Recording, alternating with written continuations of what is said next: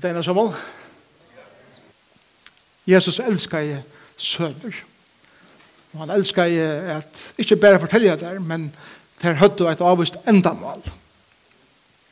Endamålene var det øyelig imensk alt etter hvem Jesus tog seg vi, kvært akkurat som evne eller kontekst eller sammenhenge rundt om eh, snues jo om eisende rent kronologisk til først, og eisende eh, hver og Jesus er tjenest, akkurat at det lukkene seg hver tuttninger mye.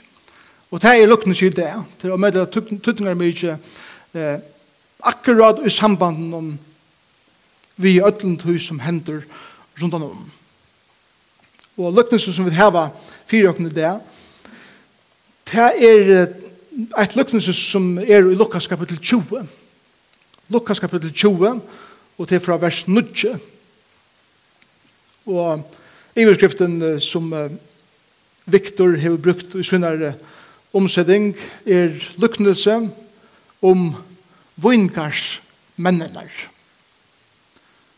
Lyknelse om vingars mennene. Jeg hadde selv vært fokus i er ikke av vingars mennene, men fokus i er av eieren av vingarnen som sendte sånne tænare ut er samskifta vi vingarsmennene. Og hva det var som han gjør det. Så lette hun slå på Lukas kapittel 20 og vi skal lese fra vers 9 og um, Arne leser, la meg lykke å si noen få ting. Jeg vet at vi er og fer forbi postene, og kanskje til luktene så passer eller vel inn og er en poster. Men Jesus er nå kommet til Jerusalem, og han, han hever rige inn og i byen, og han har fagnaver. Han er ferden inn og i tempelet og i Lukas Nujjan, han rensa i det, og han, han rendi öll ut som selte og kjepte og så videre, og som misbrukte eh, stegi som, som Guds nervera skal liva. Og hetta lyknelse, det er imus nøvn som man kan gjeva lyknelse, til dømes uh, i sørste vik, så tas av det om et kontrast lyknelse, eller lyknelse i motsetningen. I det kalli jeg hetta luknelse fyrir eit profetisk luknelse. Ikki profetisk at han hatt at det tåsar om framtøyina eh, fra okkara perspektiv ja, men det tåsar om nega som enn ikkje er hent, men som er vi at henta helt kjøtt fra Jesus perspektiv. Og til til at Jesus ui hessen luknelse noen, forteller dem skriftlærde og farsierne og ødlentheimene som lett til religiøse elitene, hva for det hender nå om nære få dier? Og til at jeg er her for å drepe Guds son som han sendte inn i hendene heim. Og til faktisk det som er det her lukknelse snur seg om hva Jesus forteller dem nære. Til at her høyt og og hjertan noen lagt rå opp å drepe Jesus og slippe av igjen. La meg bare lese vers 24 og 48 i kapittel 9, kapittel 9, bare for å lese sammenhengen. Og det er hesen sammenhengen av Jesus svære atter. Han lærte kvann det i tempelen, men høvesprestene, henne skriftlærdom, og henne fremste menn folksins, altså elitan, den religiøse, rønte å få han bæntan av venen. Men tar visse så ikke råd hva det skulle gjøre, tog alt falskje hekk og pjøy hånden. Elsa det her uttrykk de henger pjøgjennom, så populære verden. Kursi, når jeg får dere at rett, inntil de sommerfølgene fra Europa, krossfest, krossfest. Og de lort av etter hånden. Så hadde jeg sammenheng. Og så er det en diskusjon i middelen tar, tar skriftlærde og Jesus, i den første versen i kapittel 20, og så kommer vi til, takk for, så kommer vi til uh, vers 9, når så leser han. Han setter det fram fyrir fölkje, hetta luknelse. Mævor planta i vingær. Leia i vingarsmannen han, og for bostur i anna land, og vær landje bostur. Ta i så tøyen kom, sendte han tænarar, til vingarsmennene, fyrir at teir skulle djeva honom av avvokse vingarsins. Men vingarsmennene benkaua han og sendte han borster vid tomon hånden. Han gavst ikke, men sendte en annan tænare. Men der benkaua han vi og hoa han og sendte han borster vid tomon hånden. Han heldte av og sendi hinn tria. Men eisne han benkaua der, så han blødde, så ikke det som blei verre og verre.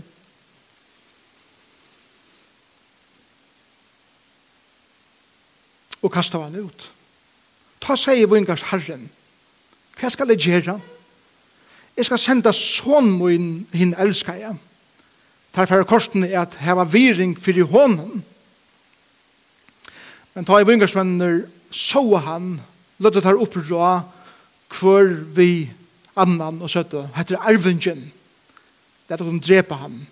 så arveren kan være okkara. Der kasta han ta ut ur vingarnon og dro på han. Kvært fer no vingars herren er gjerra vitt her. Han fer a koma og gjerra enda av hans vingars mannen og lete ærar få vingaren. Ta et her, altså ta skriftlar, du hørte hetta, så du tar, det er aldri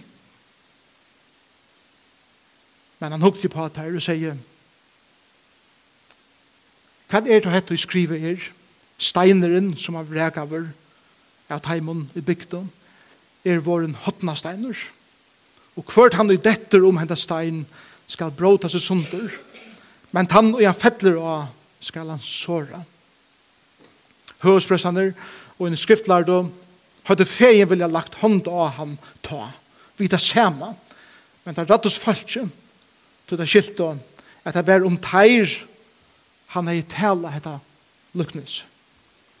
Og ta et tar og ta et her høtt og haft egen etter honom nei det tog sendet her lurarar som låter seg være rattviser til å fenka ham og i åren så tar kunde djeva han opp til iverveldene og i hender landshøvdingans.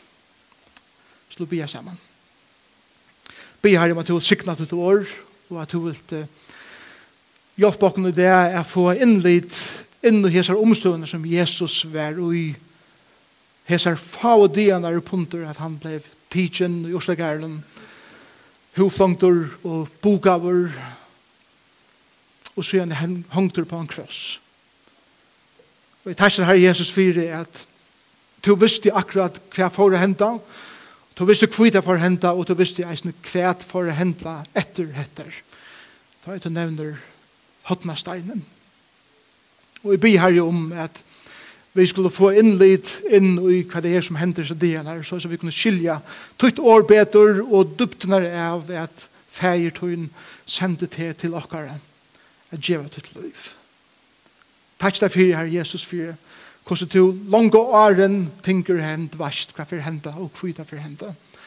Og jeg ber her om at du gjør hva han fri i okra liv, og eisen at du vast hva henter i okra liv, og hva for henta, som vi ikke vet om, men du vast, og du er hentner om det, og du skal leie akkurat, og ikke akkurat, lykke mye hva det er. Det er takk deg for, og i Jesus navn. Amen. Ta i Jesus, byrjar at tåsa vi tar skriftlært. Og byrjar at tåsa om eina mynd som alle jødene kjente om. Så vidt at det beina vi hva det er på spil. Og til tog jeg Jesus brukar myndene av en vingær. Vingærer, menn, vingars herre og alt den mynden her er en mynd som Israel som, som tjå, men særlig at han religiøse elitan eh, faktisk råseg seg av at vi er vingerer gods. Vi er eh, te folket som god hever utvalgt fram om andre folk som han blomstrar i jøkken og fer eh, saftene fra vinen er ved til sikning for alle er er tjover. Og det ble en stolt leisje for Israel. Hinne veien, så kjento alle Israels menn profetienar som Isaias seg om vingeren i kapittel 5 hver Isaias tåsar om at god hever kjive ein vingar og tann vingaren er Israel og han sier bare særlig til religiøse Israel som god skal bruka til at være en sikning for ærer tjauer til enda mal vi har god valgt i Israel. Han kunne akkurat som han valgt noen annan, men han valgt i Israel. Vi tog fri eie at de skulle være til sikning for ære tjauer, og det var det sjående jøkken Jesus Kristus, som sett setten ble føtter. Men det som Israels menn byrja gjøre er til at de byrja at vende egen fra god til nye av seg sjølvan, og så ikke at vi har tøtning til vi som er særlig, og vi blir i litan. Og akkurat det at han mister egene av for det vær som er givet han forraten, til at halda forraten for seg selv, gjør det til at han mister han. Så det gjør det krever på han. Og Isaias her om hvordan Guds domer kom i vår Israel, eller fera kom i vår Israel, og at han ikke langer være at han vingeren som Gud har sagt hei skulle være. Jesus kommer nå, Og vi har så stolt i eliten av religiøse leieren som lenge siden har glemt god og bærer hos som seg selv Og Jesus bruker til myndene bænt og i høyt av heimen og forteller dem at lukkene seg om at herren som eh, gjevet dem arbeid for, for sønne vingere fer bostor som tar seg om at Jesus fer bostor og fer en dag kom atter og så var det en annen lov som er galtande eh, for jeg skilje til her eh, luknelse. Til at han sier at vi drepa sonen til han er arvingen, så kan arven være okkar.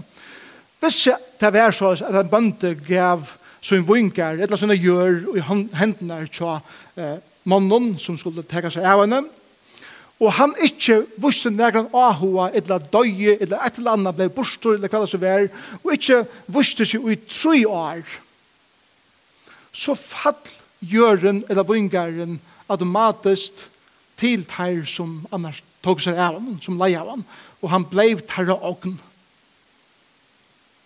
Og det som Jesus viser av her beint, er det at God hever sendt sine profeter, tænarer, er at få avvoksten av hesson vingaren og av rattsted, først framfri Asjon gods, som så kan breia det ut til resten av heimen. Men den første kommer og tar bokan av og blegan ut og han får tomhenter. Den neste kommer, han vil boka vår, enda meir og spotta vår, og han får eisne steater. Og den tredje tænaren kommer, og han vil eisne boka vår, og så mykje nekve at han bløyer, og her er ønsken vågen fyrir tænarnar. Det er mynd av time profeten som god og i jøkken alt gamla sementet hever sendt at minna folk jo av at hit er vidjen av lei fra tog leien som god leie dikken og tog aper som han gav dikken men Jesus men vil ikke høyra profetene og dro på profetene og vannver du der og vil ikke høyra tar båskap inntil han sendte sin son. Sin einbarna son. Og Jesus kommer. Og vi vet vel gjennom evangeliene at han eisne verer vrekavur. Og Jesus og i så samme vikene stendur og oljefjallene sindur og man er oljefjallene om lei heltene fra toppen av oljefjallen og man til eh, Gethsemen i Ørsagæren, nøglunda midt og i herbeint. Stekker han av, og han hikker i Jerusalem. Og han sier så leis i Lukas, Jerusalem, Jerusalem, som dreper profetene og steinar teir, og gjør senter til tøyne. Hvordan mengan vil de ikke sauna bøten tøyne, en så hønan saunar ungar søynar under vanskinar. Og så lekker han at seg og du vil det ikke. Og du vil det ikke. Og såneren kommer. Og tar suttja etter arvingen, og tar planlegge at drepa han, akkurat som tar gjør det i kapittel 19, Og tar drepa han, som tar gjøre om det kan få det. Og halte at nå er alt okkara.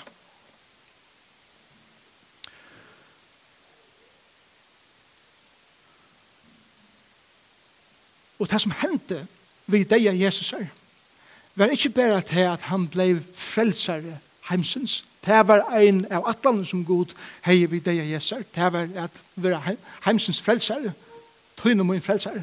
Men det som eisen i hendte, er til at Israel miste alle privilegiene som teim var lite behendur vi deg Jesu. Og sikningen som Israel hei kunne være fyrir heimsens sjåver, blei rand fra dem og giv i øren vingars mannen som er trygg vid det er samkomma Kristus er.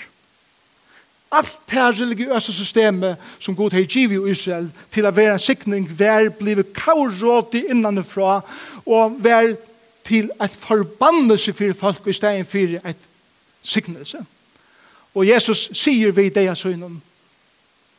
Vi mynden er som vinkars herran som sier at det skal være tidsi fra teimen og givet i øren.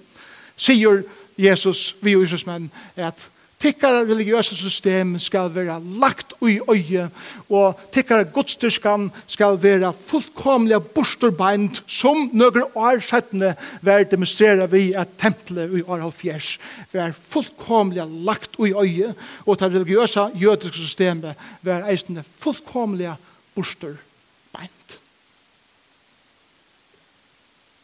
Og herren her er atlaner. Betyr det at uh, så god hever ångar atfallen vi Israel ångar? Jeg tykker ikke det han mener vi. Jeg tykker personlig at god hever sånne atfallen vi Israel som en tjå, men ikke som et religiøst system. Og det er det som enda i herbant. Og vi lærer noe om medalja underfulle ting, kallt jeg, om god særlig og sånne her lukknesen. Og det er dette nummer 1. God hever givet en vingar til at folk kan hava åpert av. Og ein som hevur finnst jo åpert for god, stendur jo åpert for hos man finnst for god.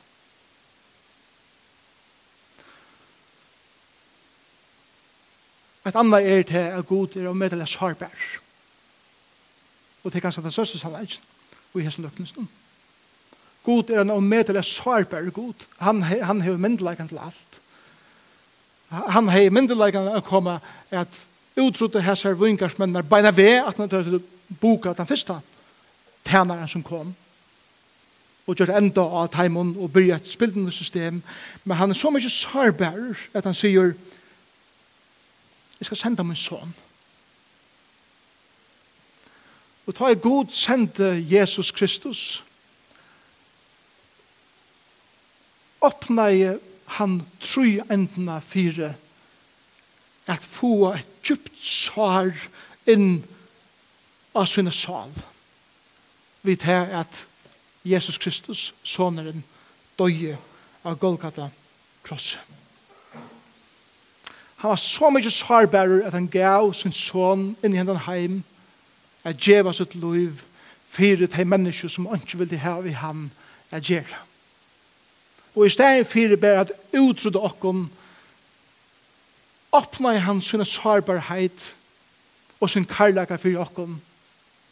At med med enn våre syndare som rombrevet 5 tåsar om, sendi han sånn sin i heimen at dodja fyrir syndare okkar.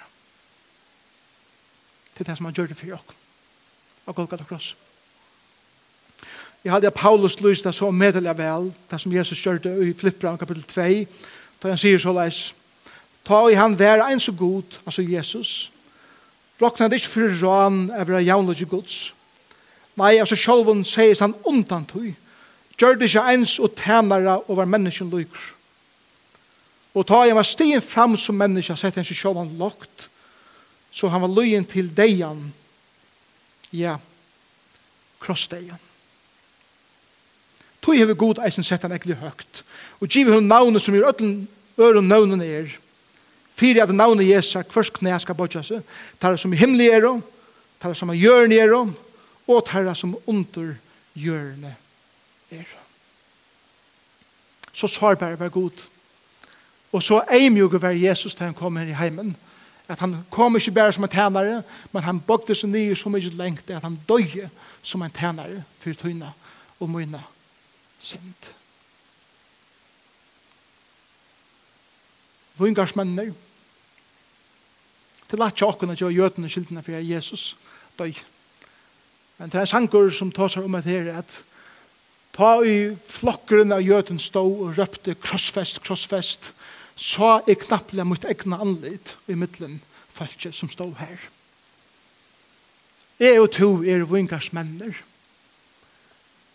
som heldur ikke vilja høyra båskapen om at vi stand og arbeid til god.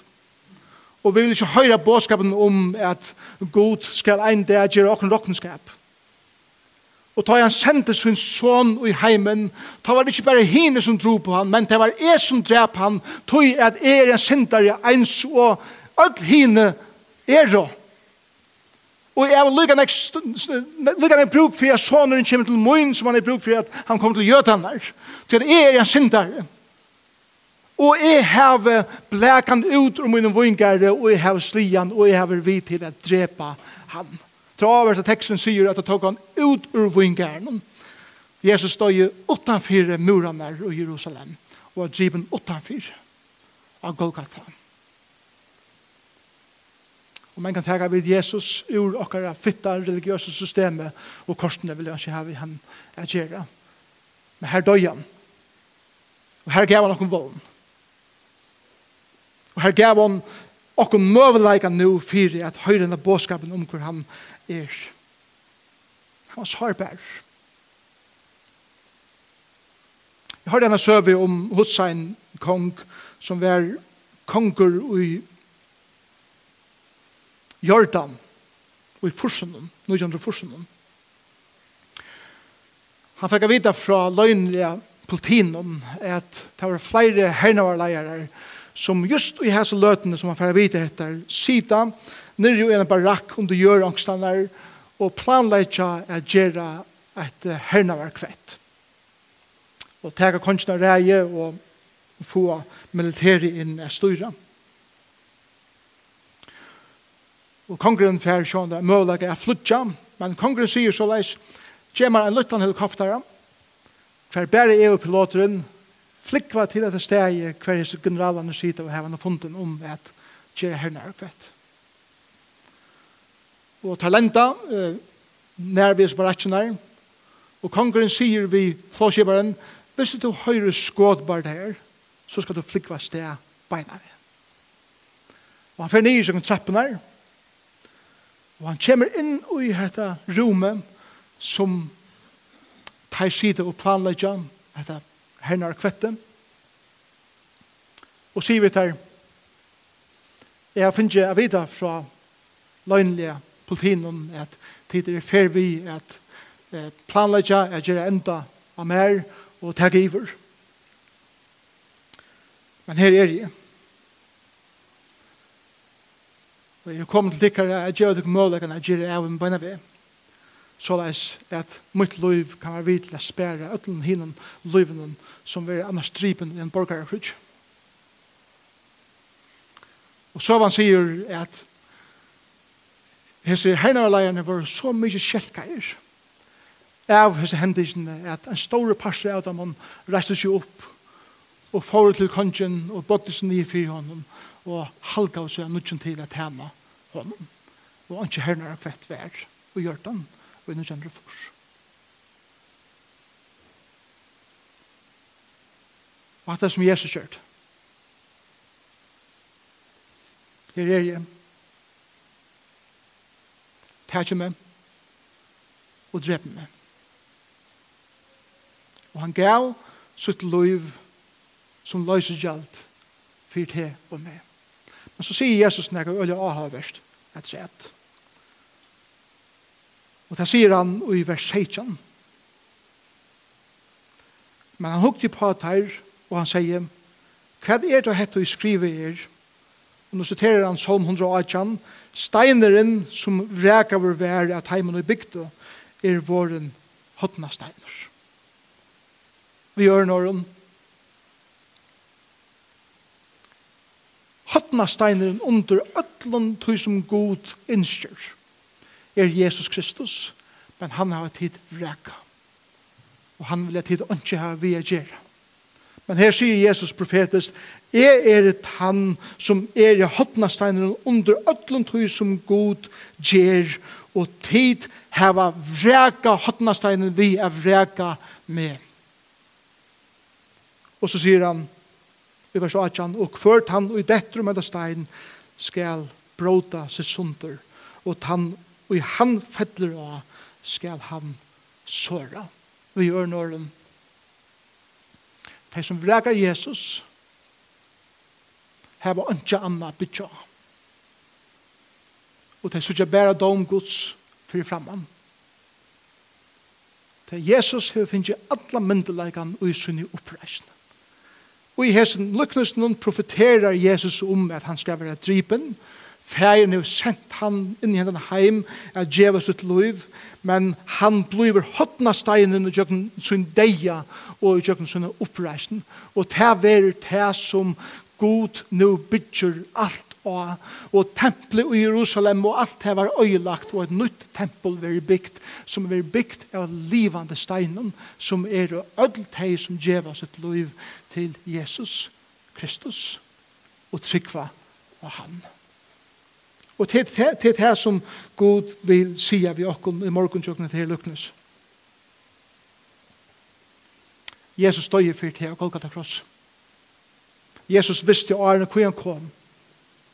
Og han givet sitt liv fyrt her og fyrt meg. God var sarbar for tøyna skilt. God breit einleikane tru eintene vi a senda sin son dodja fyrir tunna og munna sind og ui tui bjóa han ter a gjerra en pastor av tru eintene og bliva ein pastor av hva det er a vera gudspaten og få Guds sikningar inn i ditt liv og gjerra ter abyrd av som vingarnen som han hever givet her og mer at det var abyrd av og måtte være så at hun er for ein opp i morgen 4 at vi har finnet nekka. Sjalt om vi er en pastor av at det kostar i hånden sitt liv, så har vi korsen finnet nekka fra honom allikevel. Og vi er blevet hans herre bøten. Og hvis jeg ser morgen og du ikke kjenner Jesus som din frelser, og kanskje har du vært i løvdene flere fyr, og kanskje du har hørt denne båtskapen atter og atter om at Jesus døg i fyr til Men vi blir via av. Og vi blir via av kundkjøren her bådskapen om at Jesus døye som et lamp av Golgata krossen, som let sitt blå renna for tøyna synder, så at du kommer til han og blir han komme inn til et liv, så vil jeg tøyna synder fjalta i hans blåa, og du blir rensaver, og du blir hans baden, tøyna synder vil jeg fire djivnar og viska er borster, og du varst evet liv. Og til den båskapen som vi prædika, Viko etter viko, måned som måned, år etter år, atterli etter atterli om at Jesus elskar til. God elskar til som jeg var den sendte sin son, og i heimen at dødja for tøyne og mine synd. Vil du ikke tage mot henne morgen? Vil du ikke bjøna komme inn i tøyt liv? Vil du ikke gjøre han til herre i tøyt liv? Og takk henne fyrir at han døy for tøyne synd. Og kære Guds bøtt, Vi da arbeid for en vinger. Og vi da arbeid for at det er sikningar som god gjør inn i okra liv, og den avvøksen av vintrænen som vi er greinene av. For at det skal gjøre avvøks til ånder så har vi arbeid av å være ui vintrænen, av å være ui Kristus. Jeg har okkur nær til ham. Så la oss at det er sikningar som kommer ut fra okra liv, kunne være øron til sikning. Måtte være det som vi gjør i samkomne at vi får sted i det, og vi får inn i en vike, og her som vi kommer i disse vikene, er vi også at jeg skal være en sikning med de mennesker som er kommet i midten og med de som er møtt. Jeg skal på en måte lete vune, det smatjen av vunen som Gud produserer i jøkna med, litt i luftene, eller smatjen av jøkna som er tåse vid og møte i hese vikene. Det er det som har en innsjøkene gjør som sitt folk. Måtte være så jeg vet hese vikene eisende doa jeg gjør til på en gåan og underfulla måte som ombå Jesus vel. Og det Måtte en sikna sitt år. Amen.